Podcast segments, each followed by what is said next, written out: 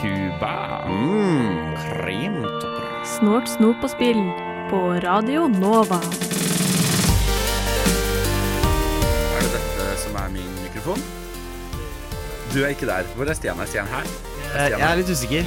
Hører du meg nå? Er du der? Er jeg her? Det er det det høres ut som at du er. Ja, ja men det var fint. Da fant du Der meg. fant jeg deg, Stian. Fantastisk.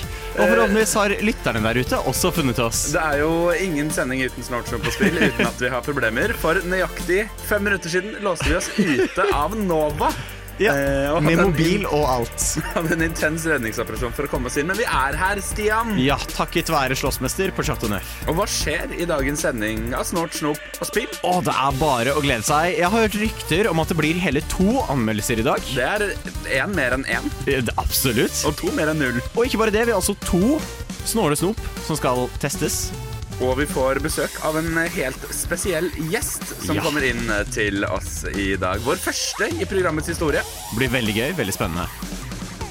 Stian, du skulle jo si noe mer, men så jeg si gjorde du mer? ikke det. Og så gjorde jeg ikke det. Nei. Men vi skal si mye mer de neste to timene, i hvert fall. Ja. Så vi kan bare runde av med litt grann musikk. Det er en god aroma. Altså, dette var himla godt. Ok, så det er marsipan. Jeg tenker sjokolade. Ikke sjokolade. Det er sånn du får på gamlehjemmet. Mm. Dette er det beste vi har smakt så Det langt. er det Jeg mener smakt dette er Det S-tier. er det S-tier. Jeg er Ja. helt enig. Nå sitter du med en boks hockeypulver i Yes. hendene. Spis det. Ja, eh, Prøv å dra PC-en din samtidig som jingeren går, og tro du har god nok tid. Kan Det er, eh, går sjelden bra.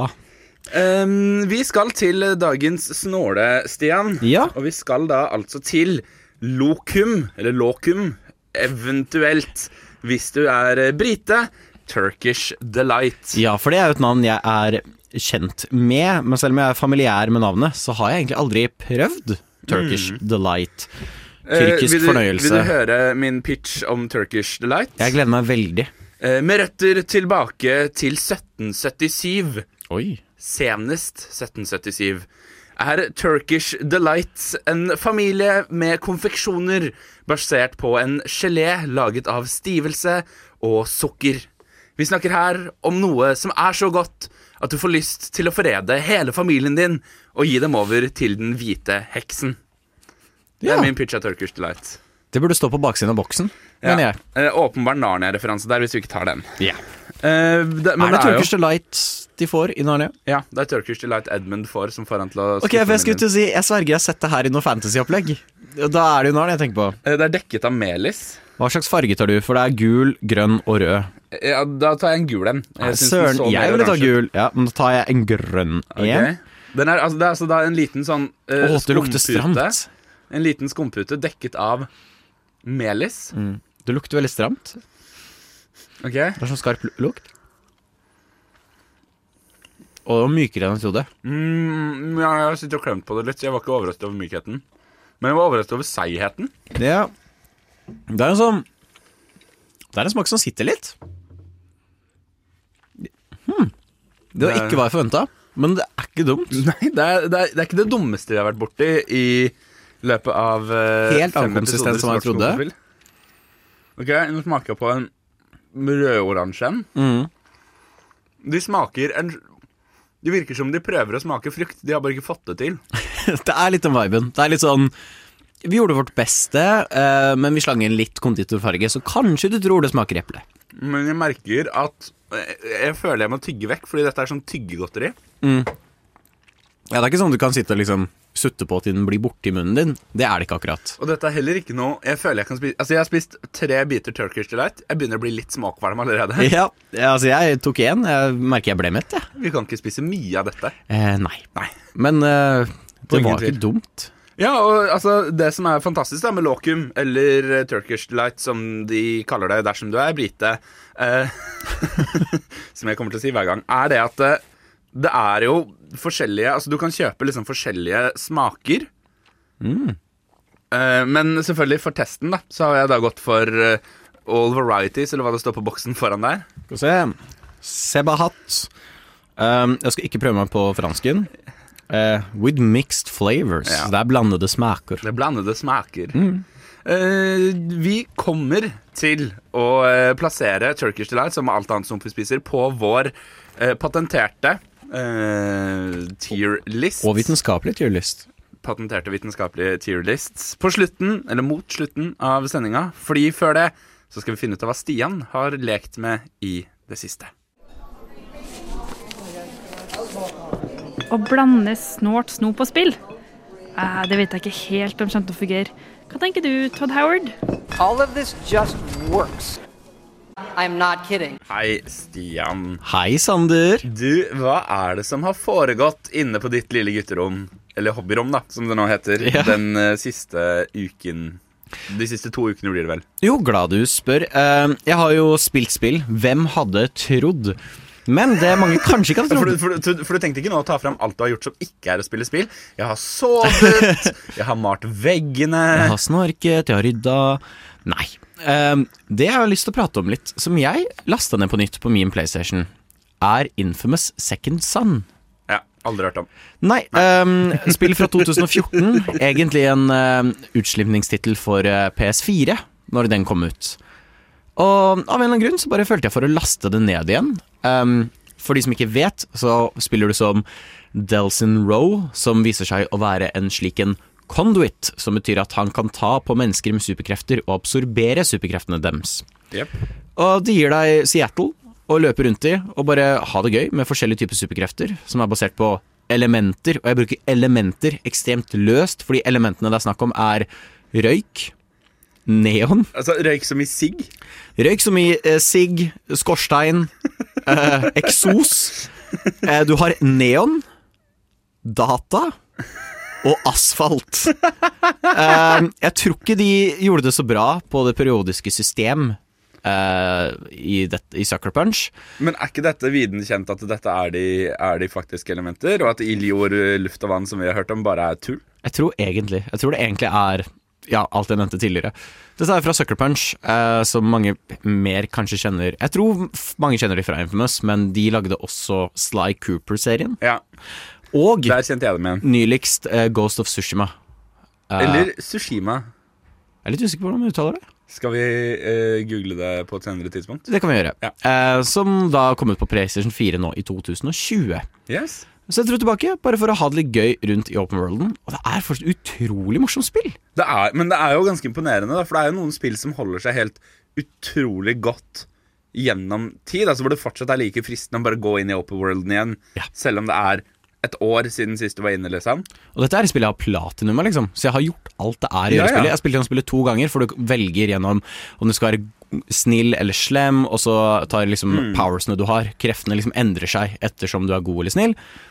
Allikevel så kunne jeg gå tilbake, og jeg bare hadde det gøy med å bare spurte rundt eh, Seattle og leke rundt med alle disse forskjellige kreftene. Og det var veldig gøy. Jeg fikk faktisk lyst til å prøve å spille spillet på nytt. Og, Ja, For det er, litt som, det er litt som alle de som nå fortsatt på en måte går tilbake til GTA for å kjøre biler og rane banker og Ja. drepe tilfeldige horer og eh, litt forskjellig.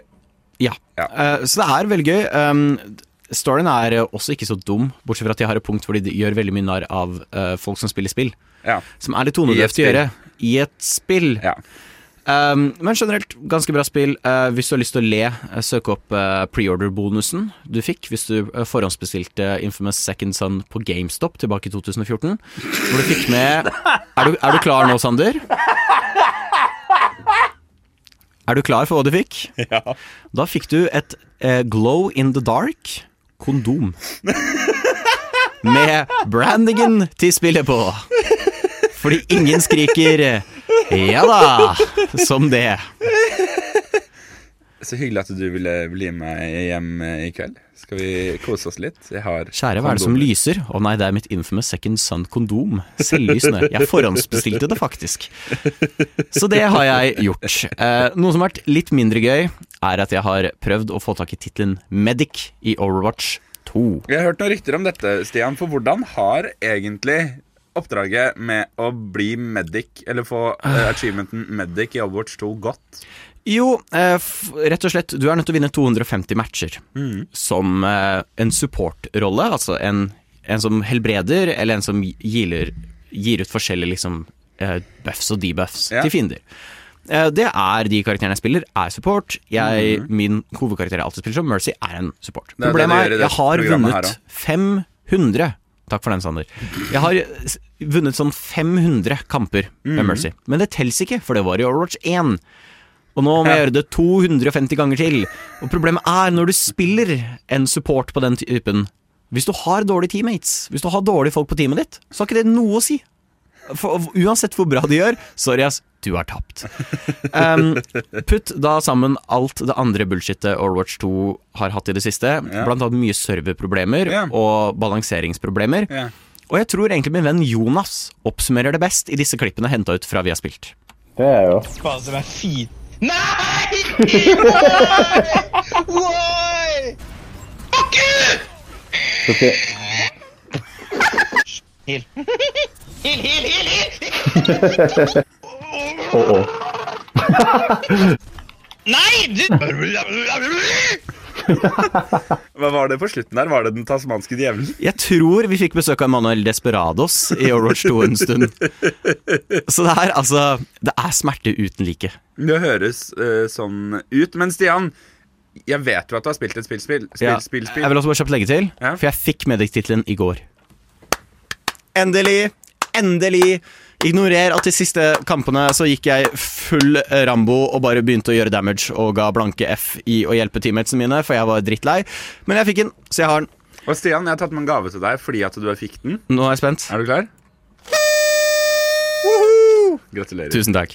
Og ja, jeg har spilt et annet spill. Jeg har spilt det veldig mye, nemlig Monster Hunter Rise. Ja. Og det var jo spill som egentlig kom ut på Switch tilbake i 2021. Jo.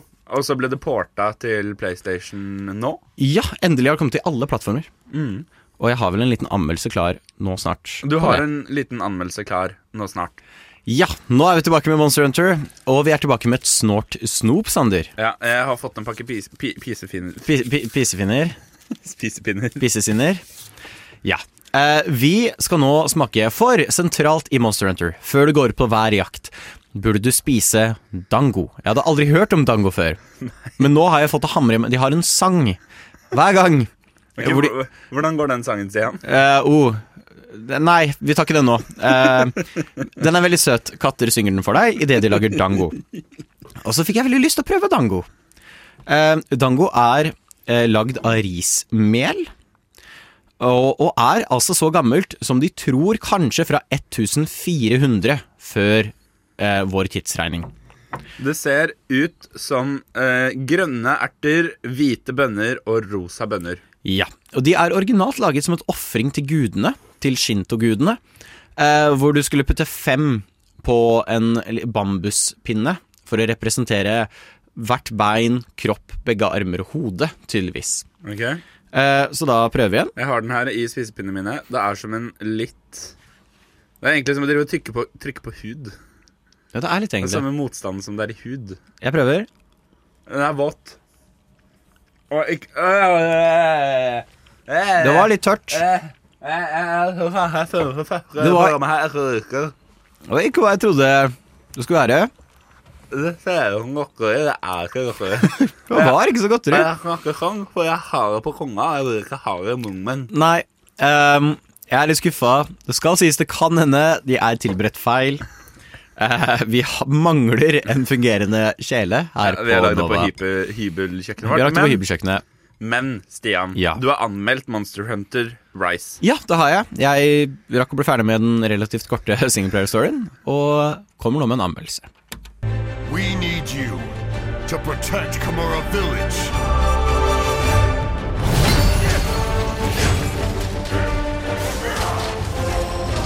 Det tok to år, men nå er endelig Monster Hunter Rise ute på alle plattformer. Var det verdt ventetiden, eller er dette kanskje en jakt du bare skal stå over? Monster Hunter er en ekstremt elsket spillserie, som fikk sin start for nesten 20 år siden tilbake på PlayStation 2 i 2004. Det har kun vært ett problem. Her i Vesten har eh, serien vært hva man kan regne som nisje, noe som står i sterk kontrast til det asiatiske markedet, der Monster Hunter er en gigant. Med World prøvde Capcom å pusse opp serien så den skulle appellere til et bredere publikum. Denne endringen ble sett på som svært risikabel innad i selskapet, og av den grunn ble et annet team satt opp for å jobbe på et annet spill som skulle være mer som de gamle Monster Hunter-spillene, i tilfelle World ikke skulle selge så veldig bra.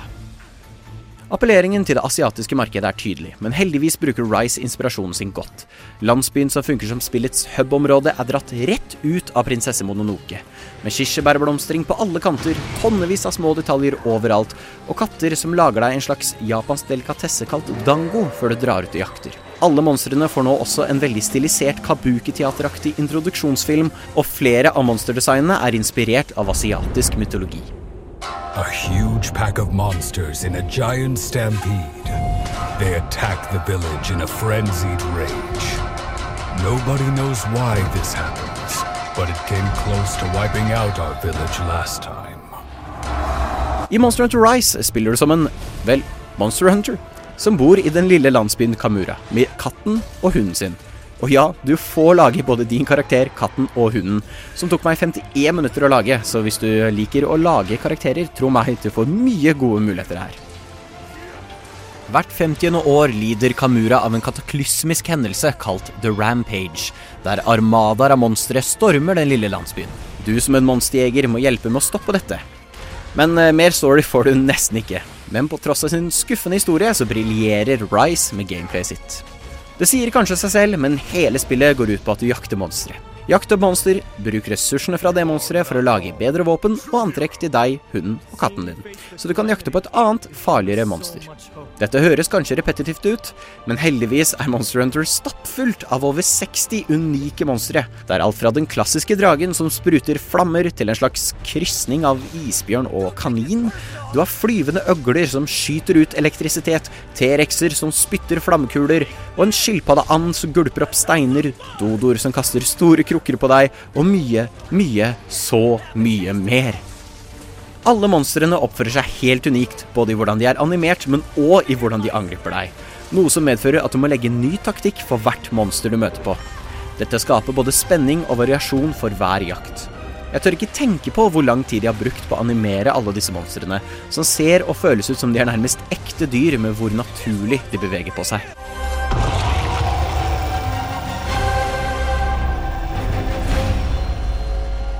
Du kan ikke bare ta ned monster med knyttnevene dine, du trenger jo våpen.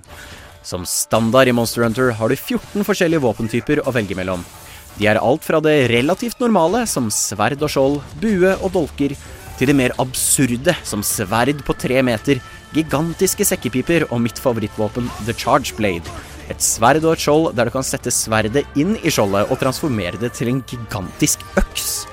Nytt for Ice er Wirebugs. De fungerer som en slags grappling hook, som kan kaste deg fremover i den retningen du selv ønsker. Med disse kan du kaste deg selv over et monster for å unngå et angrep, kaste deg mot siden for selv gjøre et angrep, eller bevege deg rundt i verden. Wirebugs kan også kombineres med våpnene du bruker for å skape unike komboangrep. Rise introduserer også switch skills. Dette er en spillmekanikk som lar deg endre på eller bytte ut forskjellige angreper og komboer med nye. For en som spilte alt av World, var det utrolig forfriskende når jeg fikk en switch-skill som fullstendig endret spillestilen til våpenet jeg var blitt så godt kjent med. Så om du er en ny eller en returnerende jeger, så vil Wirebugs og switch-skills forsikre deg om at den delen av gameplayet er morsommere enn noen gang. Toppen av kransekaka er selvfølgelig også Monster Hunters fenomenale soundtrack, et soundtrack så ikonisk at Japan brukte det under åpningen av OL i 2021.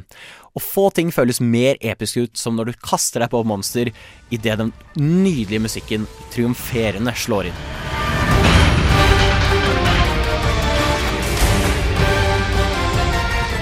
Rise har også gjort store endringer når det kommer til flerspillerdelen av spillet. Monster Hunter World var utrolig moro å spille med venner, men føltes også frustrerende utdatert når det kom til brukervennligheten. Om World er et oppringningsmodem fra 90-tallet, så er Rise som en flunkende ny 5G-ruter. Endelig kan du og vennene dine lage en lobby, der man kan gå rundt i landsbyen sammen før hver jakt, og man kan lett dra ut på jakt sammen. Det eneste kjipe er at de nå har laget to separate historier. Én for flerspiller og én for enkeltspiller. Dette skaper da dessverre to halvbakte historier istedenfor én komplett. Jeg var genuint i sjokk når historien til enkeltspillerdelen brått bare slutta. Jeg er i sjokk. Den rulleteksten har jo mer story enn storyen hadde. Monster Hunter har aldri vært kjent for å ha briljante historier, men World hadde en relativt god campaign som jeg syntes fikk jobben gjort. Når Rise startet opp, fikk jeg et umiddelbart håp for en interessant fortelling, der eh, karakterene fra World het The Handler, The Admiral, First Fleet Captain osv., så hadde karakterene nå brått navn, som Fugen, Hinoa, Yomogi og landsbyen Kamura i seg selv føles ut som en karakter. Så det føltes bittert at Rise aldri helt kapitaliserer på dette. Et siste punkt der Rye skuffer, er designet på open worlden. Å gå rundt i Kamura Village er en veldig sjarmerende opplevelse. Alt fra musikken til de små detaljene, hemmelighetene og morsomme animasjonene som MPC-ene har, gjør det til et fenomenalt hub-område som jeg føler jeg lett kan bruke en del tid i. Dessverre er ikke dette et nivå av detaljer som Rise tar med seg ut på jakt. Der World hadde store åpne verdener, rike på dyreliv, vegetasjon, interaktive objekter og hemmeligheter rundt hvert hjørne, føles Rise sine åpne jaktområder ekstremt tomme. Og når Rise introduserer tonnevis av nye muligheter for å manøvrere rundt omkring, så er det ekstremt synd at de ellers briljante bevegelsesfunksjonene ikke får nådd sitt fulle potensial. I konklusjon er Monster Hunter Rise et fenomenalt morsomt og sjarmerende spill. Det er vanskelig, og det kan føles overveldende ut, men når man tar seg tid å lære spillet, så kan du glede deg til en av de mest morsomste spillene jeg veit om. Om du aldri har spilt et Monster Hunter-spill før og skal spille mest alene, hadde jeg uten tvil skaffet meg World. Men om du har spilt World eller du skal spille mest flerspiller, så kommer du ikke til å angre på at du kjøpte Rise. Monster Hunter Rise klarer aldri helt å nå toppene til World. Jeg savner å ha en faktisk historie, mangelen på interaktivitet med miljøet rundt deg når du slåss mot monstre er skuffende, og det er et par andre småting her og der som jeg savner fra World. Men selv om det ikke er bedre, betyr det ikke at det er dårlig. Med nye artige gameplay-funksjoner, tonnevis av varierte monstre og mye bedre flerspiller, så får Monster Hunter Rise 80 av 100 troikabarer av meg. Og den delen av spillet der du lager klær for å kle ut katten din, får så absolutt 100 av 100 troikabarer.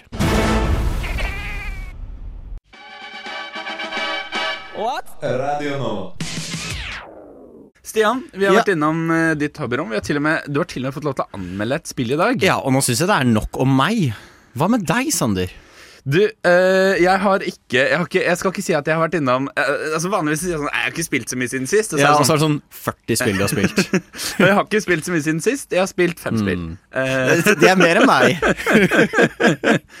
um, jeg har vært en liten tur innom, fordi at forrige gang vi sendte, Ja. så snakket vi jo om spill til lerret. Ja. Uh, og da, i anledning det, så hadde jeg jo da blant annet sett filmen Hitman Agent 47. ja som var den, søppel. Men den ga meg litt lyst til å spille Hitman igjen. Så jeg, jeg har lagt inn et par gode timer i Hitman. hvilken, uh, hvilken hitman? Jeg har uh, Complete Edition. Så jeg har alle i én. Ja, vi snakker da de nyeste som har kommet ut. Ja, de er veldig bra. Ja, ja, ja. Altså, jeg husker ikke når det første kom, men er det 16 eller noe sånt? Ja, noe sånt, tror jeg. Ja. Eh, og så har jeg jo også, forrige gang, igjen, spilte jeg jo Portal 1. Ja. Uh, denne gangen Portal 2. Åh, for et spill. Ja, men Kan jeg Men Ja. Uh, Portal, Portal 2 er et fantastisk spill. Jeg syns storyen i Portal 2 topper Portal 1. Ja, ja, ja. Men jeg, jeg finner Portal 2 mer frustrerende enn det jeg finner Portal 1. Ok, for jeg er glad å se det, fordi eh, det var akkurat det jeg skulle til å skyte inn. Fordi jeg har aldri, aldri, Sander, Ja. fått gjort ferdig storyen til Portal 2. Hæ? Fordi jeg sitter fast i den delen hvor du havner utenfor alle Tesla-laboratoriene. ja, ja, ja. Jeg klarer ikke finne veien ut. Uh, skal- Men jeg har ikke lyst til å søke opp løsninger heller, fordi det er så deilig når du finner løsningen på det puslespillet Portal. ja nei, men Jeg satt ganske lenge før jeg fikk det til. Uh, men det jeg liker veldig godt med Portal 2, er at den legger til to nye elementer. Altså blått og oransje slim. Ja. eh, som er to veldig kule deler av spillet. Men det jeg lot meg provosere over, er at uh, Portal 2, i motsetning til Portal 1, har et mye tydeligere brudd mellom banene. Yeah. Når du fullfører en bane i Portal 1, så går du inn i heisen, og så begynner heisen å bevege seg, og så stopper den litt. Og så går den på en måte ned på et nytt nivå. Og da, mens den heisen stopper, så loader den. Mm. Eh, og det er forståelig. Spill, mange spill må loade. Det er noe som skjer. I hvert fall før. ja, eh, det, det er bare en del av spillet. Mm. Um, mens i Portal 2, når du går inn i heisen, så begynner den å bevege seg, og så går skjermen din i svart, og så kommer det opp en loading screen. Ja. Og det i seg selv er nok til at jeg blir utrolig provosert. Fordi det ødelegger Jeg blir, jeg blir tatt hver gang det skjer. Blir jeg dratt ut av porten, og så spytta inn igjen. Mm.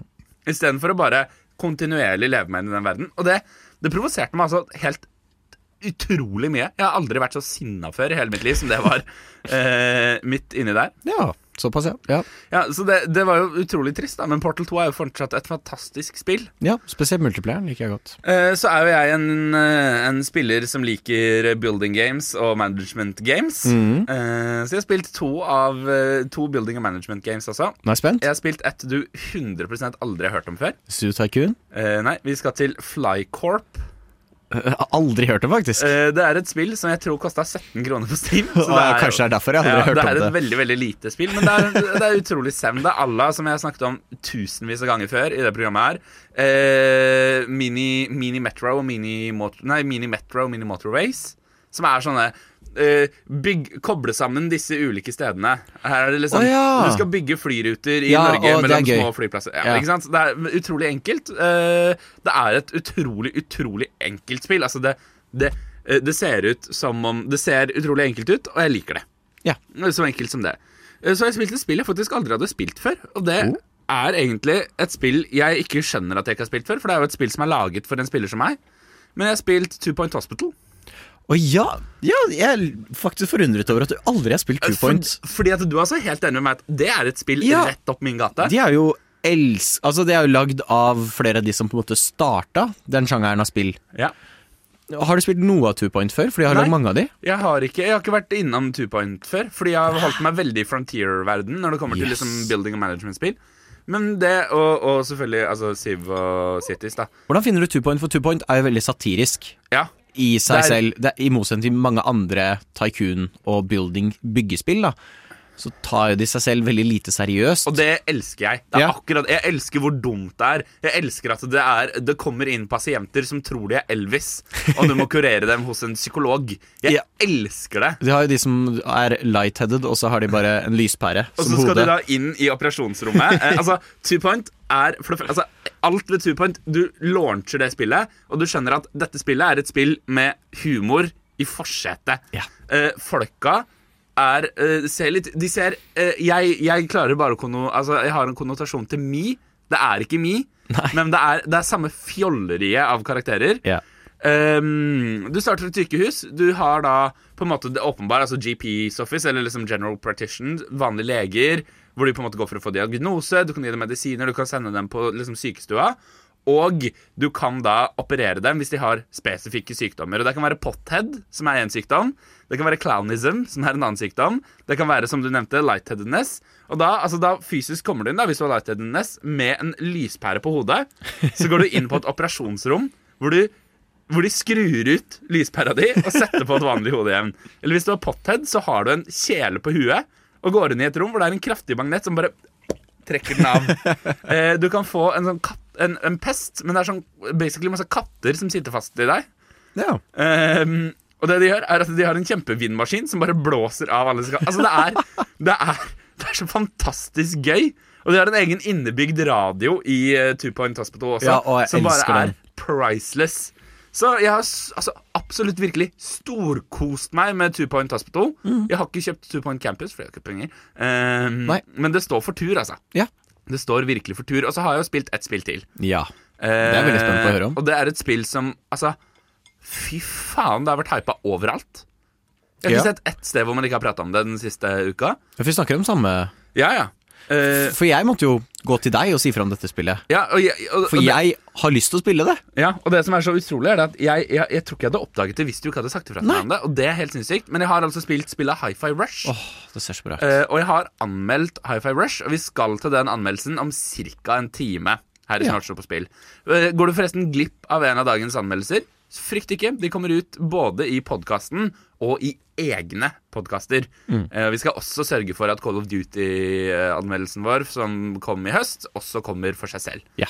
Eh, men vi skal altså anmelde Hi-Fi Rush eh, snart. Og ikke minst så skal vi Jeg fikk akkurat et push-varsel fra Posten. Oi. Det er en pakke på vei til meg. Oi, det er et oi, spill som kommer til meg, og vi skal til det spillet. Og Snort Snopp og Snils, Snils Snort, snopp på snils. Det er en debattskapende pakke. Ja. Eh, og vi skal dit, og til vår aller første gjest. Etter uh, litt deilig Radio Nova-musikk. Radio Nova. Stian, Ja. ser du sånn på meg? Fordi vi har jo fått gjest i studio. Ja, Du har fått gjest i studio. Jeg har fått sitter gjest i studio. helt alene. Sitter bak glass, isolert. Uh, og vi skal ta deg inn i det, fordi at jeg fikk akkurat et push fra posten. Det er en pakke på vei til meg, og jeg er usikker på om jeg skal la den pakka gå i retur eller ikke. Vi skal selvfølgelig til et spill som kommer om eh, få dager. Den 10. februar har du release. Den 7. kan du få det hvis du har forhåndsbestilt. Noe jeg selvfølgelig har gjort. Eh, vi skal til Hogwarts Legacy. Et eh, mildt, la, mildt sagt eh, kontroversielt spill. Eh, og derfor så har vi hentet inn ekspertise på ytterste front. Altså, Skal du diskutere krigen i Ukraina, ringer du Nupi. Skal du diskutere Hogwarts Legacy, ringer du lobbyen. Chris, velkommen. Tusen takk, tusen takk. Det, ja, jeg, liker at jeg kan bli sett på som en eh, ekspert på dette. Um, Først av alt så er du jo gjest i programmet Snort, snop og spill. ja. Eh, så du skal få lov til å smake på vårt snåle snop. Eh, men du kan få lov til å gjøre det under en låt. Fordi Hogwarts Legacy er kontroversielt, og spesielt da knyttet til JK Rowling. Hvorfor har JK Rowling blitt så utrolig kontroversiell i det siste? Nei, altså, det startet jo for, eh, for noen år siden, egentlig. Um, hvor hun eh, begynte med litt eh, transfobiske tweets på, på Twitter. som er der mye kontroverse meninger oppstår om dagen. Nei, um, hun har vært eksplisitt um, veldig, veldig mot transpersoner. Noe som har blitt tatt veldig det har vært veldig sårt for, for uh, fansa, fordi Harry Potter-universet har jo vært et uh, univers som mange i min generasjon har vært et univers å forsvinne inn i når virkeligheten uh, har blitt for vanskelig. Det har vært en verden hvor folk er annerledes, og man blir ikke forstått av omverdenen, og man finner et community i det å være annerledes sammen. Det er på en måte det som er hele premisset med magiverden, uh, slik, um, slik vi forstår det. Og det at da skaperen av denne verden er så imot folk som er annerledes, og da spesifikt transpersoner, som allerede er en veldig sårbar gruppe, um, har vært veldig, veldig vanskelig. Uh, og det bare fortsetter å bli verre, fordi hun slutter ikke å tweete. Uh, Hun slutter ikke å um, ja, uh, snakke om sin, uh, sitt hat, rett og slett. Uh, og Hogwarts Legacy er jo da uh, Det faller da under Portkey, Portkey Games, altså det er de som publiserer det, som igjen da er et underselskap av Warner Bros. Ja. Og deres da på en måte Wizarding World, som jo er La oss si det, på en måte trademarken hele Harry Potter, Fantastic Beasts og alt det det er. Eh, Kan, kan, kan jeg egentlig spille dette spillet, Chris? Altså, eh, jeg tenker det er viktig i sånne situasjoner som det her å tenke på kunsten versus kunstneren. Um, vi har jo eh, sett mye kontroverser med eh, musikkartister, f.eks., som har vært eh, udugelige mennesker, men som har laget musikk som har eh, rørt ved mange. Og jeg tenker at det er viktig å kunne Altså, hvis man skulle kansellert alt som er laget av folk som er shitty, så hadde det ikke vært så veldig mye ting igjen. Eh, det er kjipt å si det, men altså, det er eh, folk som er eh, kjente og som lager kule ting, har ofte også gjort, gjort kjipe ting. Men det er sånn det er å være menneske også, man gjør, man gjør kjipe ting. Men jeg tenker at når det kommer til, kommer til liksom ting som man har lyst til å kunne nyte seg av, da.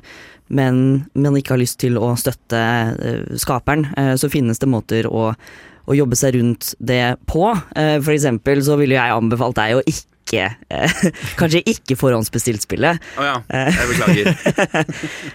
For jeg må jo si at jeg, jeg kommer til å spille dette spillet selv. Eh, jeg er jo også en eh, transperson, um, og det føles eh, eh, kanskje hyklerisk å skulle si at jeg skal spille det selv, men det er Den verden i seg selv er noe som har vært ekstremt viktig for meg. Um, og det er et sånt her type spill er på en måte noe som jeg gledet meg til så mye. Um, så jeg tenker at så lenge man er bevisst på hva man gjør, uh, og gjør det man kan for å på en måte minimere både publisiteten for det, altså ikke, ikke post masse på Zoom at du skal spille det, ikke gjør sånn at folk får mer lyst til å spille det. Um, og så langt det lar seg gjøre, eh, forsøke å ikke gi penger til, til skaperne. Da sier jeg ikke last ned på Pirate men jeg sier kjøp det på Finn, og så selg det på Finn når du er ferdig. Så kan man sirkulere de samme kopiene, eh, og så får man eh, ja, minimert eh, den økonomiske gunstigheten det er å eh, lage ting. Men det er, jo en hel, jo en hel verden rundt dette spillet. Det er jo ikke J.K. Rowling som har sittet selv og laget det. Det er utviklet av Avalanche Studios, et svensk studioselskap eh, eid av nordisk film. Eh, dette er et prosjekt som har pågått i over fem år. Sebastian Croft, en av, eh, eller, en av de som, altså stemmeskuespillerne i spillet, som har eh, stemmen til en av hovedpersonene. Har selv vært ute og uttalt dette og sagt at han ble altså, casta inn i dette prosjektet for tre år siden, før han var klar over J.K. Rowling sitt syn, og at han rett og slett på en måte føler seg skittig fordi at han har bidratt til et spill som skader så Eller som støter så mange transpersoner, før han da legger til 'There is no LGB without the T-hjerte'.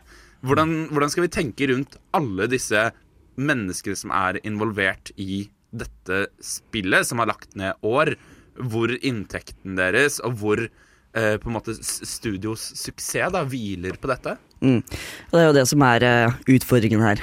Fordi eh, det er jo ehm, Det at man ikke liker den som er på toppen, eh, betyr jo ikke at eh, man skal la det gå utover eh, alle, alle maurene under, på en måte. For det er de som faktisk har lagt inn, lagt inn arbeid her. Det er på en måte en arbeidsplass. på lik linje som Altså, jeg også jobber for et selskap som Uh, jeg, jeg vet ikke hvordan det er i ledelsen, men jeg, jeg har generelt ikke troa på ledelsen av noe som helst som hå- håver inn mye penger. Uh, Jeg tenker at alt er iffy.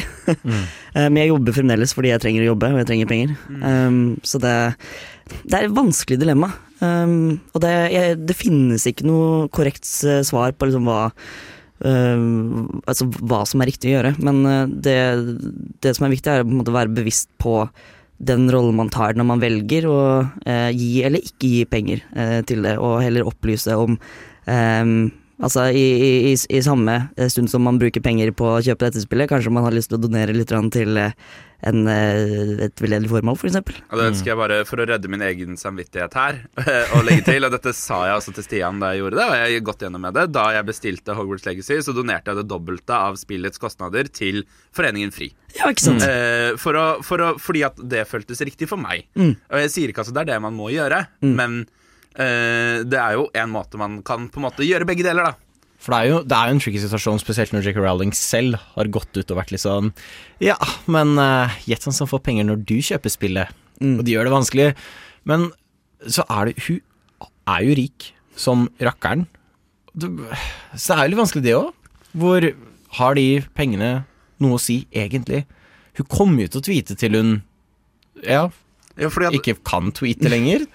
Det er på en måte også en del av dette uh, større bildet. For hvis Stian er en drittsekk, så kan du slutte å høre på uh, Snortsene på spill. Og da har du på en måte lokka ute han. Men JK Rowling tjener jo fortsatt penger gjennom bøkene, fortsatt penger gjennom filmene, uh, spin-offsene, altså eh, Fantastic Beasts, merchandise, uh, spill Altså alle disse ulike tingene som nå omfatter Harry Potter-universet.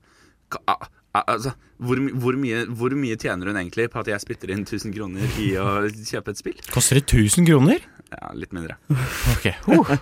Nei, men altså, det er eh, Sånn kan man tenke om eh, så mangt også. Det er, det er vanskelig, men det er sånn med for eksempel uh, Ja, du burde egentlig ikke kjøpe bøker til Kindlen din, eller kjøpe audiobooks fra Audible, uh, fordi det er Amazon og altså um, Du skal ikke kjøpe eh, Nespresso fordi det er laget av Nestle som uh, tømte vannet som eh, Du skal ikke kjøpe produkter fra Pepsi-selskapet fordi de eier SodaStream, og SodaStream produserer på okkupert land. Altså, Ja, så det liksom, men jeg tenker liksom det viktigste er uavhengig av hva du gjør ikke, da. em, være bevisst på, um, på, på, på bakhistorien her, um, og så gjøre det som føles riktig, riktig for deg.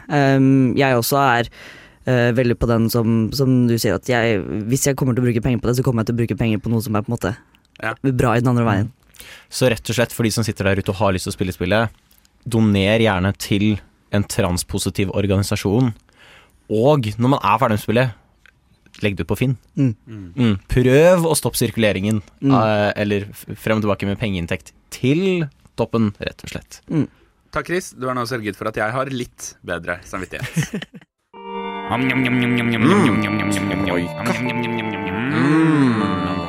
Cuba.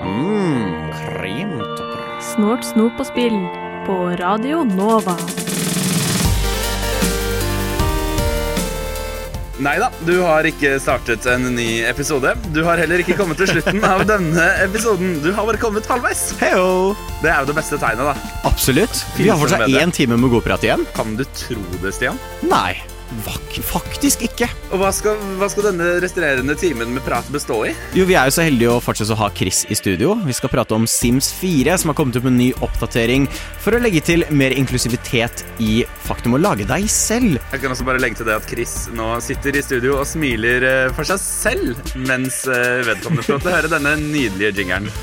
Vi skal til Life of eh, Life, Life, Life of Pi. Life is Strange, som kanskje, kanskje, kanskje kommer tilbake igjen. Og selvfølgelig et av de største spillselskapene der ute, Ubisoft, som nå har ladd pistolen og lener den mot tinningen. Du, du skal ikke si noe mer? Jeg vet ikke hvordan jeg kan lade, følge opp det. Skal det Chris skal også få smake på Turkish Delight og Dango. Og det gleder vi oss helt enormt til, og vi skal dit etter litt musikk. Du Du Du hø hører På på Radio Nova. Skulle du noen gang lure på arbeidsfordelingen i denne redaksjonen, så har nå Stian og sitt, Chris sittet og kost seg Ja. og småprata mens jeg sitter og jobber her alene. Uh, Stian, Ja. vi er jo så heldige at vi fortsatt har besøk. Det er vi, så absolutt. Uh, og jeg vet ikke om vårt besøk er så heldig at de skal få smake på eh, vårt snåle snop denne for, helga. For eh, Chris, Ja. uh, foran deg så har du da en eh, skål med Turkish Delight Mhm. og en skål med dango. Hvilke følelser har du knyttet til det som nå står foran deg? Ja, altså, eh, for det første, De ser jo eh, identiske ut, bare forskjellig form. Eh, Det er jo eh, suspiciously lik farge, eh, så jeg syns det bare er litt sånn skeptisk i seg selv. Um, Men så trodde jeg at jeg kom til å komme meg gjennom dette livet uten å spise Turkish Delight. Så Eh, feil Det, kan man altså ta. det så feil kunne man ta. Jeg visste ikke da jeg gikk inn i dette studioet i dag at jeg skulle spise Turkish Light, men her sitter jeg. Ja. Hva, hvorfor har du valgt å holde deg unna Turkish Light? Um, fordi jeg tror Altså, jeg, jeg var i Tyrkia, uh, og så spiste mamma og pappa det. Og så uh, sa de at det var sånn voksent, så da var jeg sånn «Bleh!» Jeg var veldig kresent barn, så jeg var sånn Jeg skal aldri spise det, det ser grusomt ut. Fy faen. Um, nei, så Men uh, nå er jeg jo 27. eh, Så det er kanskje på tide eh, å prøve voksengodt. Mm. Ja, og ikke Spennende. minst så sitter du nå innelåst i et ganske lite rom med en annen kar og Turkish Delight. Så det virker jo ikke som du har de store mulighetene. Stian, legg vekk pistolen. Vi oi, oi, oi, på Vi kan ikke nevne at vi har det. Hva har du lyst til å gå for først? Um, jeg tror jeg skal kjøre på med Kjøre på med Turkish, jeg. Ja. Jeg har aldri hørt om dango før, uh, men det blir også gøy. Nei, ikke jeg òg, før nylig nå. Så uh, disse turkishene, det er jo eh, tre forskjellige farger. Ja, jeg anbefaler den grønne, var vel den jeg likte best egentlig av de. Ja, ok, For de har forskjellig smak. Ja, de hadde det. Ja. Spørsmålet er liksom hvor mye ASMR vi skal gå for. Du kan gå for ganske mye. Det er hele identiteten til dette prosjektet. Ikke sant?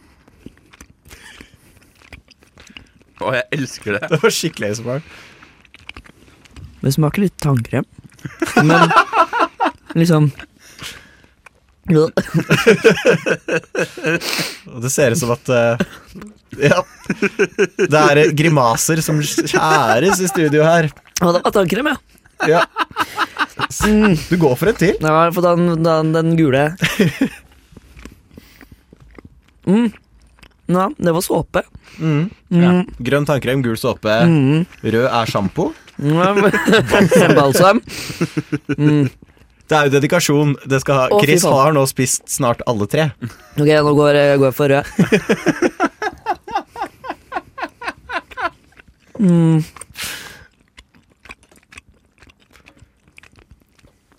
Det var kanskje den minst ille. Ja. Du skal også få lov til å prøve deg på Dango, Chris. Men du er jo ikke primært her for å spise snort snop. Nei, men det er jo ikke Eh, vi skal jo tross alt snakke litt grann om spill, Stian. Ja, det er jo det også. Sims 4 har jo nå kommet med en ny oppdatering. Eh, Jeg var på vei til å introdusere Sims 4, men alle vet hva The Sims er, håper jeg da inderlig. Du lager deg selv, du lever et liv. Det er det moderne Et dokkehjem fra Henrik Ibsen. Uansett, de har kommet med en ny oppdatering nå, hvor du kan nå legge til uh, uh, arr fra toppkirurgi. Og de har lagt til binders, som lar deg representere deg selv bedre i karakterene. Og vi har jo nå sett en ganske stor bevegelse fra ganske mange spill, egentlig, selv Nintendo, eh, til å på en måte gå vekk fra den klassiske 'hvilket kjønn er du', mann eller dame, på starten av spill. Og jeg tror Monster Hunter ba deg velge kropp. Um, Pokémon, nye Pokémon, ba deg velge look-alike. Hvem syns du du ligner mest på?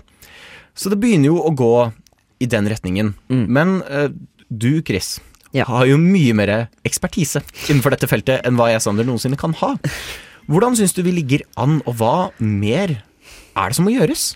Ja, fordi um, da jeg selv begynte å spille spillespill som, øh, som liten Jeg starta jo som mange andre med Pokémon. Ja. Uh, I en alder av sånn ca. fem eller noe sånt nå. Uh, og uh, jeg husker jo eh, allerede da at eh, det tok meg flere dager å starte i det hele tatt å spille spillet fordi jeg måtte velge kjønn. Ja, Um, så det uh, føler vi har kommet en veldig, veldig lang vei derfra. Uh, og jeg syns det er veldig spennende med uh, de forskjellige oppdateringene som Sims 4 har kommet med de siste årene. Ja, for det kommet med flere. Ja, for det var jo Nå har de jo kommet med, med toppkirurgi og binders og sånn. Men det var jo før, før den tid, altså da Sims ble laget, så var det også bare mann og kvinne, ikke sant? Ja. Uh, og nå er det jo Altså, man har alltid kunnet være skeiv, eller liksom romance, de man, eh, de man ønsker, men uh, de gjorde jo for eksempel stemmene mye mer uh, varierte.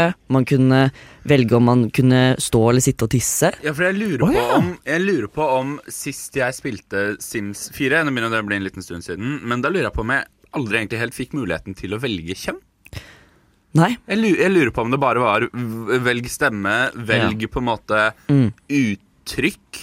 Altså et eh, da heller maskulint uttrykk, med, Mm. det, med det det innebærer. Altså rent fysisk i ansiktet med kjevebein og, Mhm. og så videre. Og stemme. Jeg tror ikke jeg valgte mann eller kvinne, altså. Nei. Um, det, jeg, også spilte, jeg har ikke spilt med den nyeste oppdateringa, men eh, jeg har spilt med uh, den forrige, forrige oppdateringa. Og da velger du uh, hvordan du skal frem til om, du er maskulint eller feminint eh, eh, uttrykk. Eh, så kan du velge om du har lyst til å bruke maskuline, feminine eller begge klær.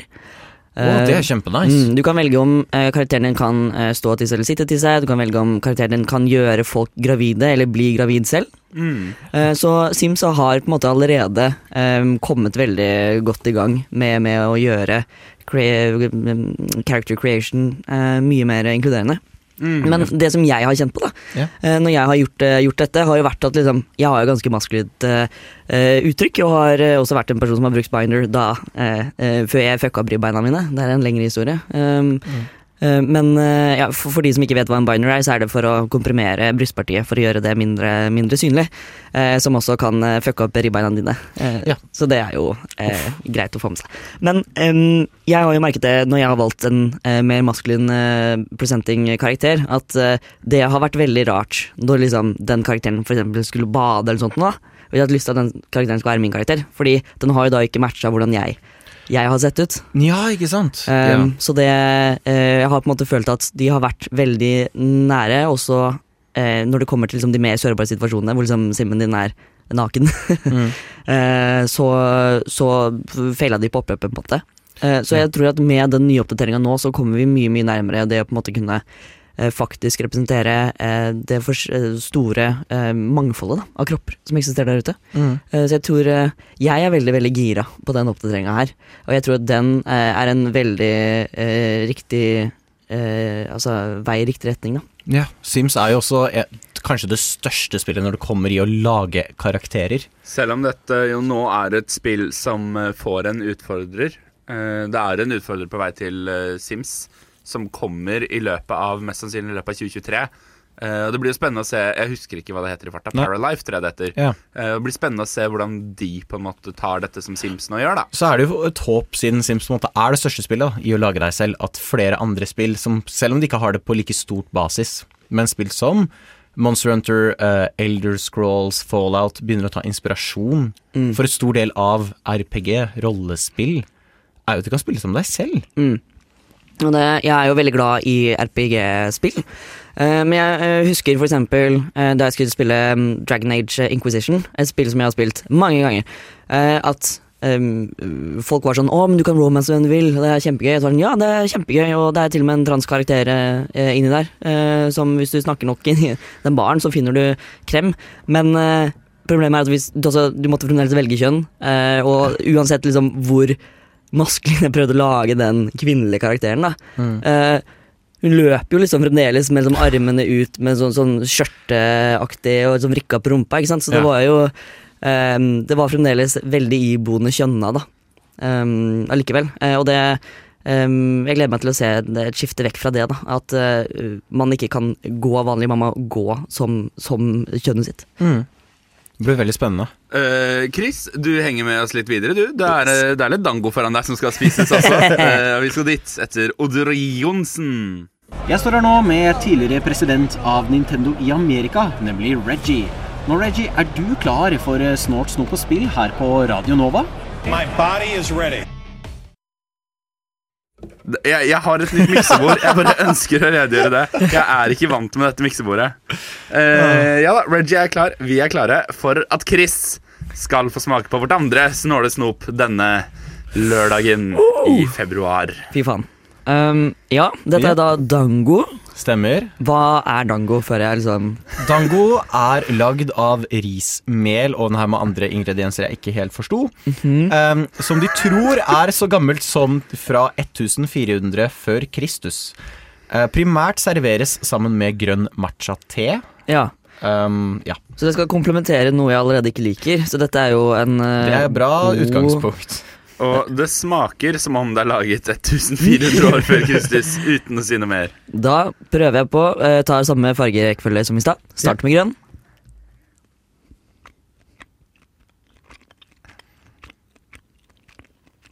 Det var egentlig litt kjedelig. Ja, Ja. ja. Dette er vel definisjonen av umami. På Radio Nova. Ja, det er, ja, ja, altså, smaken, ikke programmet. Programmet er veldig bra. Sjekk ut umami. Ok, Den grønne var veldig kjedelig. Jeg tar, tar neste. Mm. Det er akkurat det dette programmet her skal være. Også veldig kjedelig. Ja. Ok, rosa. Vet du hva? Nå, nå, nå jeg, så for meg at dette kom til å som smake mye mer. Mm. Men også. det er litt sånn Det er vel skuffelse all over det. Ja. Ja. Det var ikke Det var verken søtt, surt Det var bare umami, rett og slett. ja det, det, det smaker liksom bare litt tørt. Og med det så er det snåle snop-segmentet unnagjort i dagens sending. For Stian, Ja. det, altså, et lys gikk opp for deg. En fanboy våknet da vi møttes på kontoret her for ikke så mange dager siden. Life is Strange, eh, for å ta den lange historien kort, eh, har vært turbulent i det siste. Det er to studioer som har delt på den IP-en, som det kalles. Vi har Altså Don- intellektuell property. Property. Ja. Eh, vi har Dontnod, som er de som lagde det første, og det an altså Life is Strange 1 og Life is Strange 2. Ikke de som kan lage Life is Strange. Yeah. Så har vi Deck9, som eh, ble på en måte satt til å lage en slags oppfølger til Life is Strange 1, når Dontnod sa vi er ferdig med den historien, vi vil ikke lage noe mer rundt. Og da sa Square Enix eh, penger. Eh, så de fikk et mobilspillselskap til å lage en oppfølger. Men til, til, til variert resultat. De slet litt med å forstå eh, spilldesignet til Life Strange 1.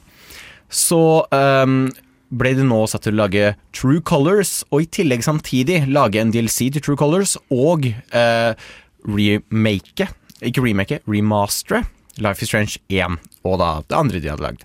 Vi har pratet om uh, remasterne i en tidligere episode. Det var en katastrofe uten like. Så katastrofalt var det at de som lagde de, Life is Strange 1 og 2, gikk ut på Twitter og gikk Det her er grusomt, hva har dere gjort? Og det var bare dårlig humør gjennom hele opplegget.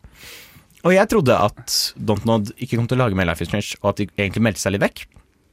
Og nå kom nyheten nå nylig at Life is Strange 2 kommer ut på Switch. Og det er ikke noen ny versjon som Deck Nine har vært innblandet i. Dette er den originale Life is Change 2.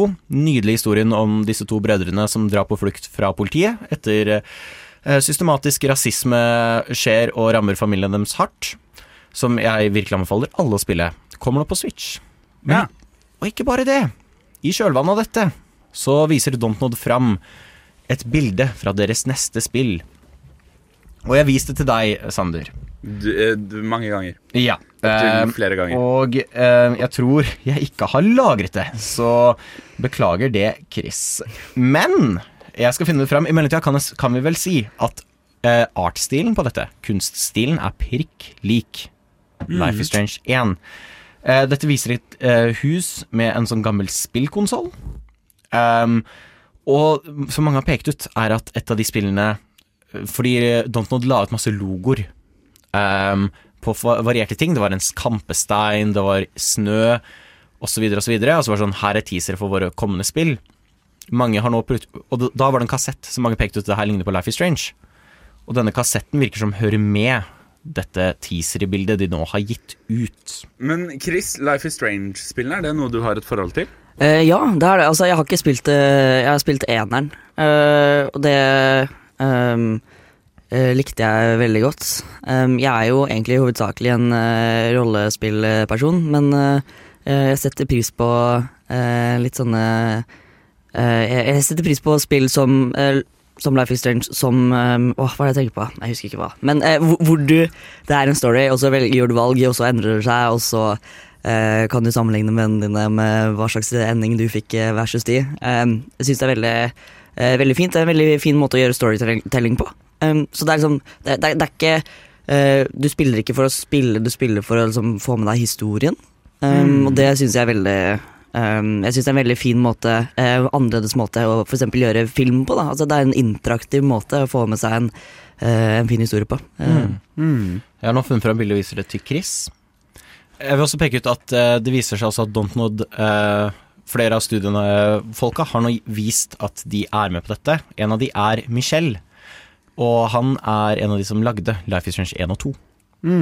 Så det virker jo lovende ut, og jeg er utrolig spent. Ingen anelse hva dette kommer til å handle om. Eh, garantert ikke noe som kommer til å ha noe med Life is Strange 1 og 2 å gjøre, kjenner jeg disse folka rett. Eh, men vi kommer til å få høyst sannsynligvis god representasjon. De kommer til å være veldig samfunnskritiske, som de alltid er. Eh, jeg håper i hvert fall det er Life is Strange 3, eller hva De kommer nok til å kalle det 3. Hvis det er det, burde vi jo presisere. Ja, for, det, for dette er ikke sikkert. Dette er ikke sikkert, det er er ren spekulasjon, men det er et sterkt håp, fordi eh, jeg vil at Life is Strange-serien skal bli revet ut av hendene til Deck Nine, som har bare dytta det ned i dass eh, med de siste par tingene de har gjort. Eh, det er altså et håp fra Stian om et Life of Strange eh, 2. Og ikke minst så kom Nei, 3. Og ikke minst så kommer jo toeren på Switch, da. det er jo spill det. Det, det, er, noe vi, det er noe vi vet. Uh, straks her på Snort, snop og spill skal vi til noen som har ladd pistolen og holder den opp mot tinningen. Men først et ord fra noen av våre sponsorer som jeg alltid har hatt lyst til å si når jeg sender radio. Dette er frokost, og i uke seks har vi utvida sendetida vår fra seks til ni, fordi det er seksualuke. Og vi skal snakke om seksuell helse.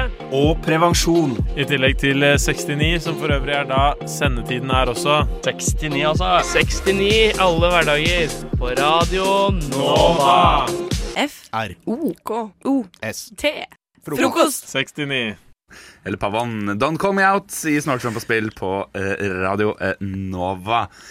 Vi er, altså Vi kan sitte her og ha det gøy og kose oss og prate piss og eh, spise rart snop og alt mulig rart, men vi kan jo ikke unngå å i det hele tatt tenke på det faktum at vi er jo inne i en økonomisk resesjon om dagen. Ting blir dyrere. Ja. Folk har mindre å rutte med. Uh, og da begynner man jo ofte å kutte ut ting. Uh, når matprisene stiger, så, så mat må man jo må man nå en gang ha. Eh, så da begynner man å kutte andre steder. Og en av bransjene som merker på det nå, det er spillbransjen. Men det er noen som kanskje har satt seg litt Skal vi si litt ekstra opp for hogg, da? Det er noen som kanskje ikke, kanskje ikke har de beste forutsetningene for å klare seg kjempegodt videre. Jeg er veldig spent. Vi skal til Ubisoft. Um, fordi uh, for uh, ca. to uker siden så ble det kjent at uh, Ubisoft igjen annonserte ganske store kutt i eh, spillene sine. De har eh, rett og slett kutta altså, forventet inntjening i altså dette physical year, da, som går fra omtrentlig februar til omtrentlig februar, eh, med én milliard dollar. Oh, det er en del penger. Eh, de har kutta eh, De har altså cancela tre unannounced spill, eller u uannonserte spill, i tillegg til at de da i juli uh, cancela fire. Så det er nå sju spill som er blitt kutta av eh, Ubisoft, som vi ikke har fått høre noe om. Det er veldig mange spill. Det, er, det høres kanskje ikke så mye ut hvis man ikke kjenner til spill og litt av industrien der, men det er mye Det er mye, og det er rett og slett da for å kunne fordele uh, de, de teamene de har, utover andre spill. De har også nok en gang, og det begynner nesten å bli en vits, på lik linje som uh, Zelda Breath of the Wild 2, Uh, utsatt uh, Skull and Bones. Kan vi ikke bare innrømme nå at Skull and Bones kommer ikke til å komme ut? Fordi at uh, Skull and Bones uh, var et spill Ubisoft begynte å eh, kludre litt på etter Assassin's Creed Black Flag. eller Assassin's Creed 4. Det ble annonsert at det kom til å komme i 2017, og har blitt utsatt siden. De slapp vel traileren samtidig som Sea of Thieves slapp Ja. sin trailer på samme pressekonferanse. Helt riktig. Uh, og så presterte jo eh, og Det morsomste var jo når de skulle annonsere tittelen, slagordet til eh, Hva heter den? Skull and Bones? Ja. Hvor eh, det var rett etter de fjerna tonnevis av Ubisoft-spill på eh, Steam, som gjorde at folk var sånn Ok, jeg antar vi får bare gå på Pirate Bay, da, for å skaffe disse tingene. Og et par uker etterpå så kommer Ubisoft ut med t- slagtittelen Long Live Piracy til uh, Skull and Bones. Uh, og det er jo uh, Ubisoft, hvis du ikke kjenner det selskapet fra før Chris ser litt sånn spørrende ut uh, der du sitter. Mest kjent åpenbart Assassin's Creed-spillene. Rayman. Rayman, Just Dance. Just Dance, den er god. Far Cry-serien. Far Cry. De har jo Rainbow. Mye Tom Clancy Ja. har de jo. Ja, absolutt.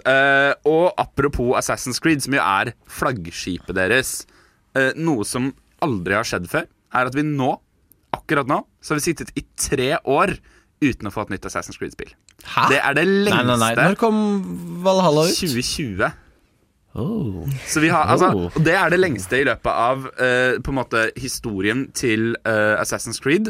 Eh, på de 13 årene da som har gått siden det første kom i 2007 Nei, sorry, 15 årene som har gått siden det første ja, spillet kom i mer riktig ut. 2007, eh, så har vi fått 12 Assassin's Creed-spill.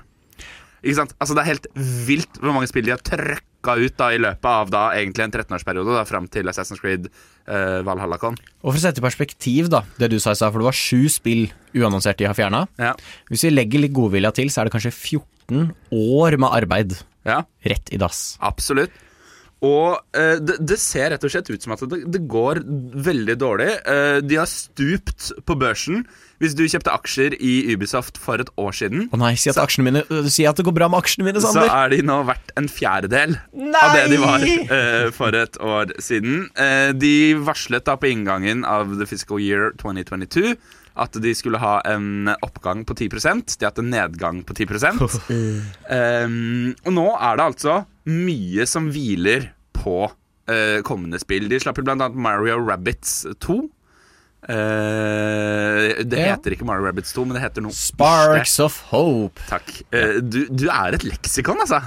Jeg blir helt overvelda her. Uh, det gikk kjempedårlig fordi de tenkte "Ja, det er en ganske sikker merkevare, vi trenger ikke å promotere det. Ja, jeg tror alle sa sånn Å, det kom ut? Hæ? Um, og nå er det altså uh, rett og slett sånn at han som er sjef i Ubisoft, ha, ha, prøver på en måte å, å få det til å virke som om dette går kjempebra. De prøvde vel også å gå inn i NFT-verdenen, hvis Ja, jeg ikke husker feil. Jeg, jeg, jeg, ville ikke nevne det. Nei, jeg følte det måtte nevnes, for jeg tror det bidro. Absolutt. Men eh, de har jo da eh, to eh, Tre storspill på vei som nå er De er avhengig av suksesser for for å overleve. Det er Assassin's Creed eh, Mirage. Det faen 15. spillet i den rekka, eller et eller annet sånt. 13. spillet i Assassin's Creed-rekka. 25. eller noe? Ja, mange. Føles sånn ut, Ja, ja. kjempemange eh, som kommer. Eh, så kommer det jo da et eh, spill basert på eh, James Camerons Avatar-univers. Jepp. Det ser greit ut. Det, jeg syns det ser kjempebra Ja. ut. Men det er jo også et spill som har blitt flytta på i det milde Moses. Altså De har flytta på det spillet helt sinnssykt mye. Det skulle jo egentlig kommet i høst. Nå er det på Skull and Bones. Nei, nei, nei. nei. Uh, Avatar. Å, ja, ja. Avatar skulle ja, egentlig komme til høst. og så, det blitt, så ble det flytta til nå i april, og så ble det flytta et år til. Og så er det da et uh, open world Et stort open world-spill.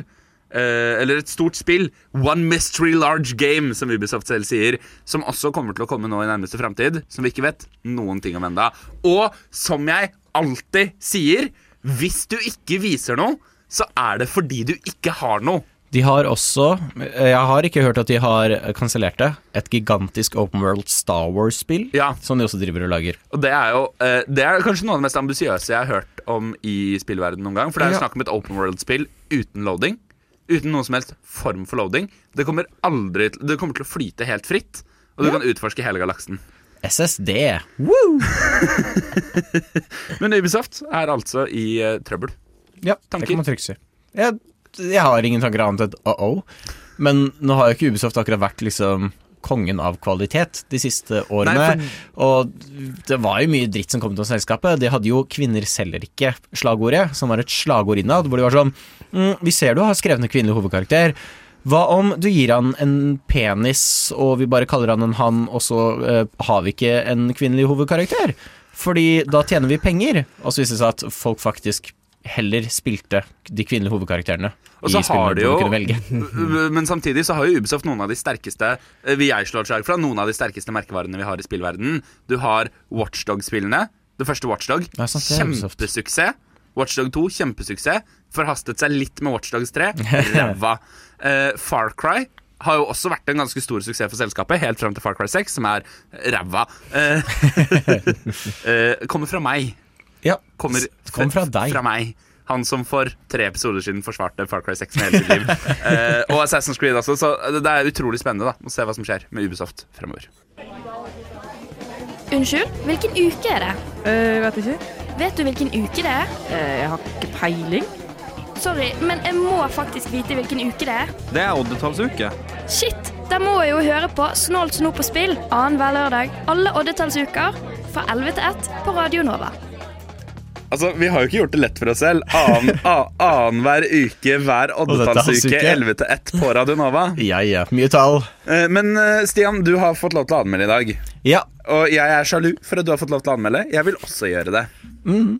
Du har jo anmeldt et spill jeg er litt sjalu på at du kan anmelde. Ja, eh, fordi at vi skal jo da til Hi-Fi Rush. Har du hørt om det, Chris? Nei, jeg har ikke hørt om det før. Eh, da er nå mitt mission i løpet av de neste åtte minuttene og syv sekundene på Snortsen på spill at du også skal få lyst til å spille Hi-Fi Rush. Når et spill slippes helt ut av det blå, er ikke det nødvendigvis en god ting. Bare tenk på alle Disney-filmene som slapp rett på VHS på 90-tallet. Det er jo ikke akkurat et kvalitetsstempel når man ikke har lyst til å stå frem og promotere produktet sitt. Og jo større de som står bak er, jo mer skeptiske blir vi. Derfor var mange litt skeptiske da Xbox-eide Bethesda viste fram sitt første konsolleksklusive spill i slutten av januar, og annonserte at dette spillet bare var noen få timer unna. Og det ble ikke bare sett på som suspekt fordi det var en stor utgiver som sto bak. Men når utviklerne er Tango Gameworks, det eneste japanske spillselskapet i Microsofts eie, da lukter jo dette i utgangspunktet Kembo-god PR.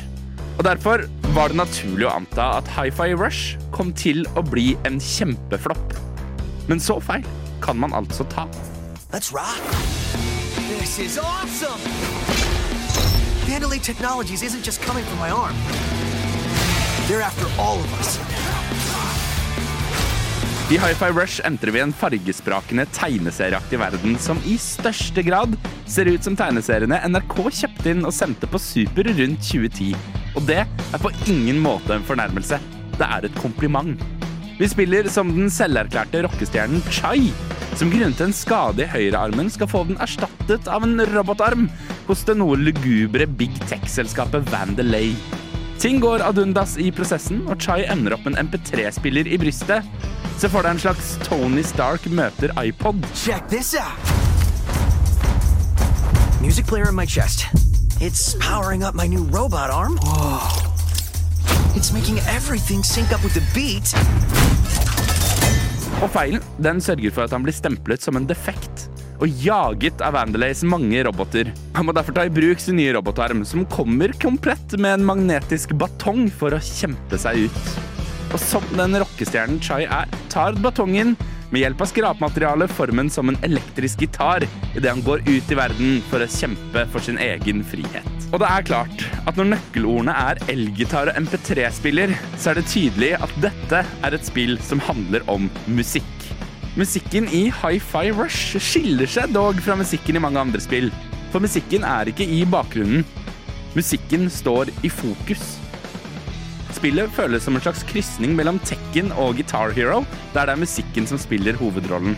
Ved hjelp av presise knappetrykk slår du og denger løs med den elektriske gitaren din på de ulike fiendene. Ja, du kan godt spille gjennom hele Hi-Fi Rush uten å trykke på en eneste knapp i riktig rytme.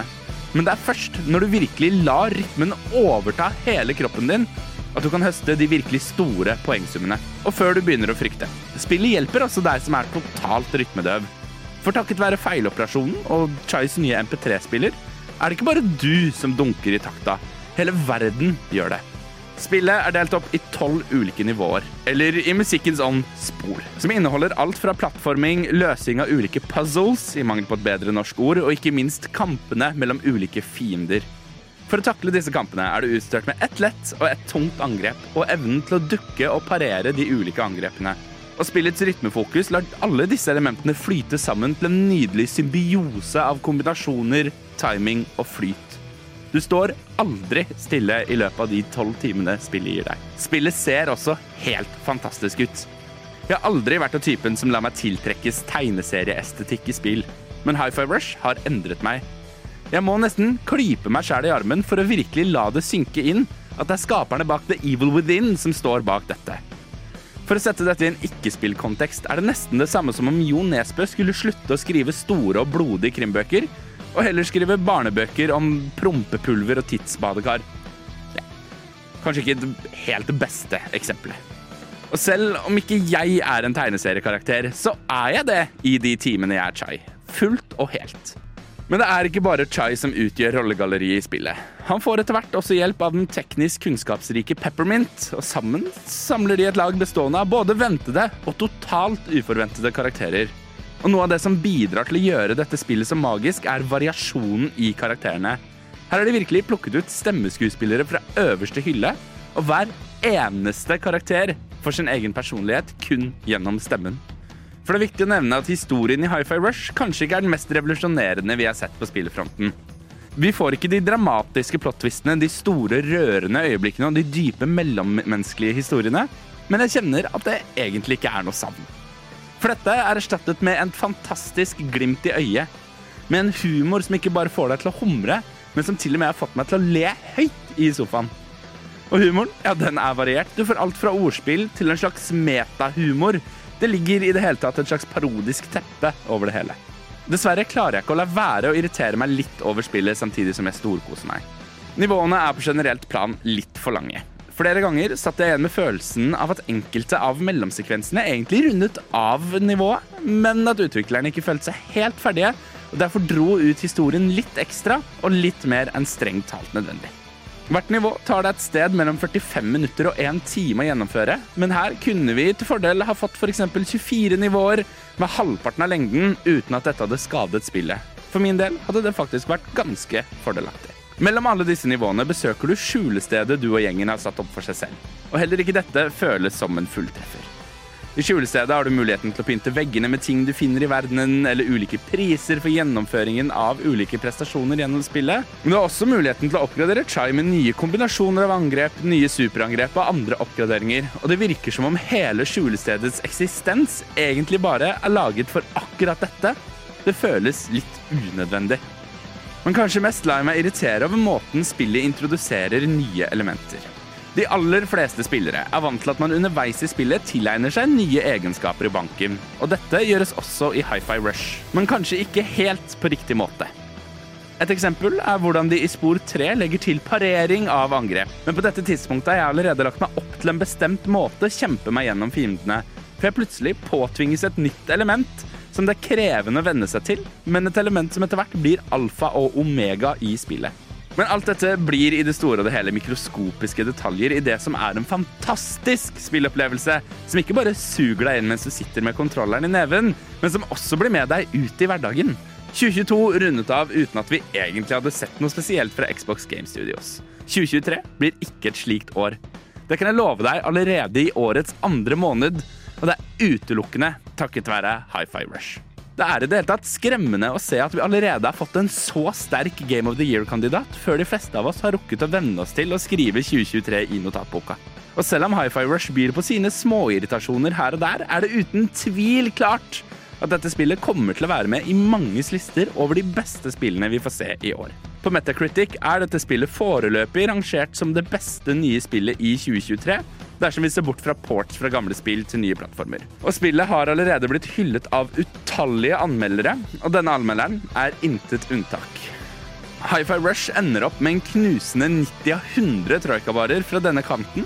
En score som kommer med en tydelig oppfordring til å skaffe deg spillet og bare la rytmen overta kroppen din.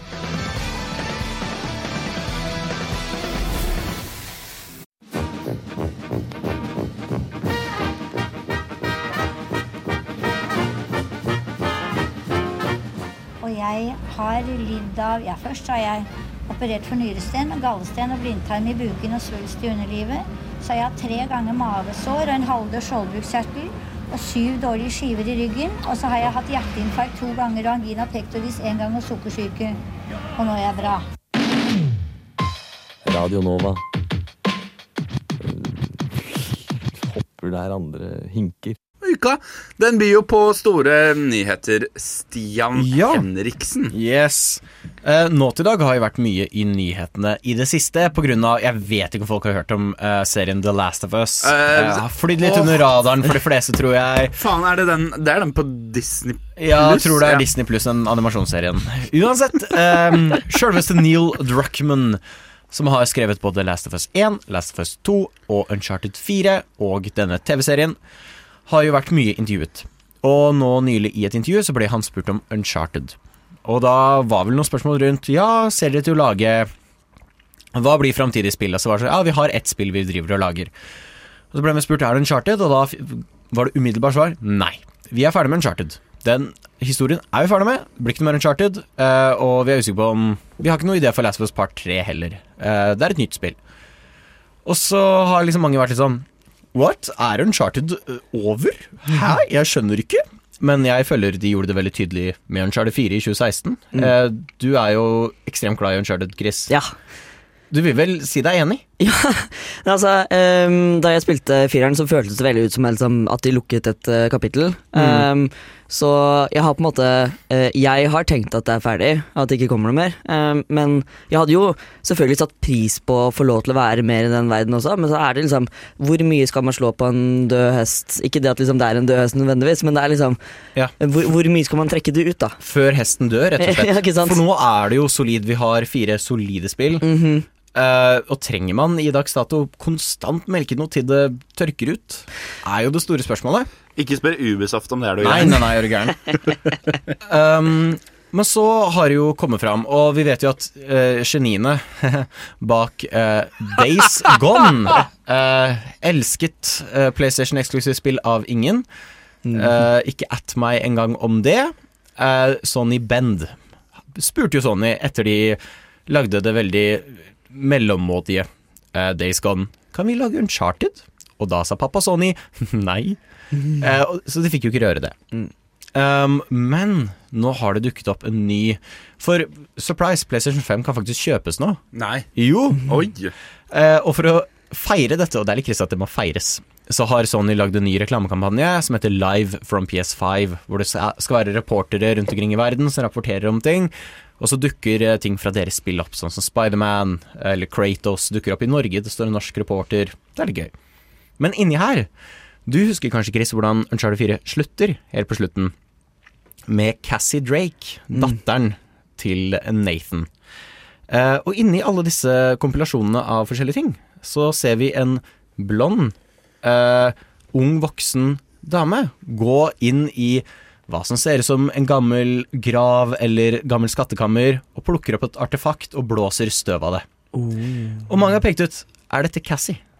Kan dette være Cassie Drake? Og hun har jo bare vært med på slutten av Uncharted 4, så legger de opp til noe mer her.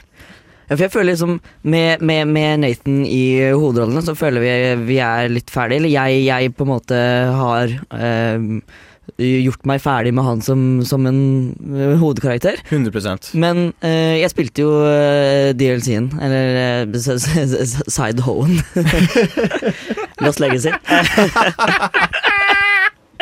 Hvis det er lov å si. Det syns Um, jeg er veldig lov å si. Eh, og eh, når jeg sier at eh, jeg føler at det var en veldig god slutt og sånn, så er det på en måte med, med hovedstoryen. Eh, jeg er ikke fremmed for å kunne utforske mer side... Altså beholde den samme verden, men utforske nye, nye veier med nye folk. Mm. Det syns jeg hadde vært interessant, men så må vi på en måte huske på det at Altså, de, de har jo allerede liksom laget film liksom, de, altså, De har begynt å melke dette, da. Eh, Ja. Det blir Ikke, ikke snakk om Uncharted-filmen. Nei, nei, ikke- jeg- ikke, ikke gjør det.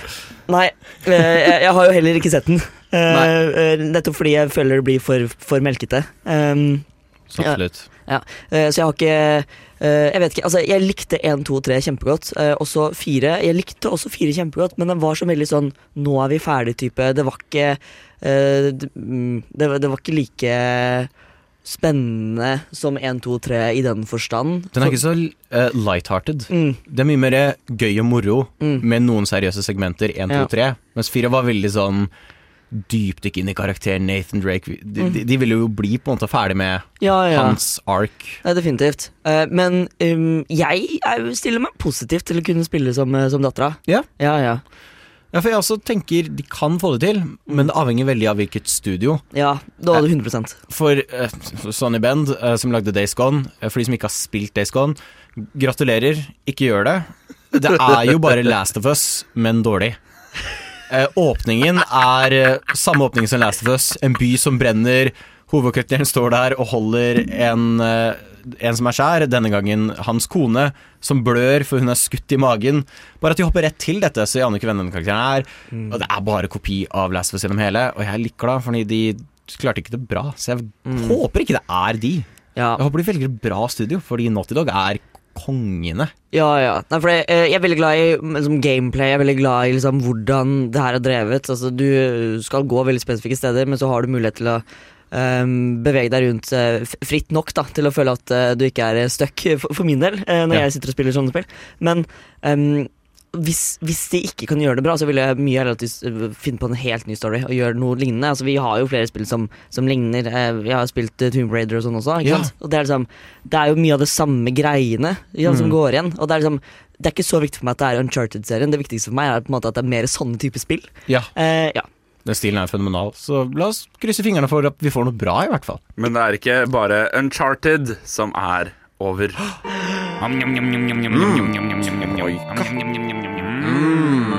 Cuba. Snort, snop og spill på Radio Nova. Ja da, nok en sending med Snort, snop og spill har nådd slutten. Tenk at to timer kan gå så fort. Altså, det er helt utrolig. Hvor blir alle disse timene av? Vi har i dag hatt hele to snop, og de skal jo begge plasseres på tierlist. Ja. Eh, Hvor langt ned er det mulig å gå? Jeg, for meg, Dango, jeg putter på en E. Jeg kan ikke putte på en F, for det var ikke dritt. Det var bare Stian, ikke noe. Stian, hva er det som er på den tallerkenen? Le- der? Jeg sa for meg. Ja, men For jeg, meg. altså, jeg holder nå opp en tallerken med utspyttet dango på. Vi skal, vi skal på F. Ja, Dette er kan, den tydeligste F-en. Jeg kan støtte ned. Chris, E eller F? Eh, jeg er på E, rett og slett fordi eh, den, den smakte ikke jævlig nok. Den smakte lite, men den smakte ikke jævlig. Det er greit. Jeg kan, jeg kan gå med på en E. Turkish E. Light. F. F? Hva følger du, Sander? Eh, Jeg kan være villig til å eh, ja, Hvis det er Det er noe smak der. Det bare er ikke noe godt. Ja, nei, jeg, jeg kan være helt mye på tre, men jeg skal ikke dra deres ranking noe opp. For jeg kan også støtte en E eller F. Det, det har vært helt greit. Jeg ville ikke tatt med dette i, i, ut i helga når jeg skal snakke. Da blir det dobbel E fra oss i dag. Husk at du kan høre oss som podkast og følge oss på Snort Snop på spill. Og hei, følg også lobbyen, da. Det er utrolig, utrolig, utrolig, utrolig utro Jeg bare drar i sekundene. Utrolig, utrolig hyggelige folk.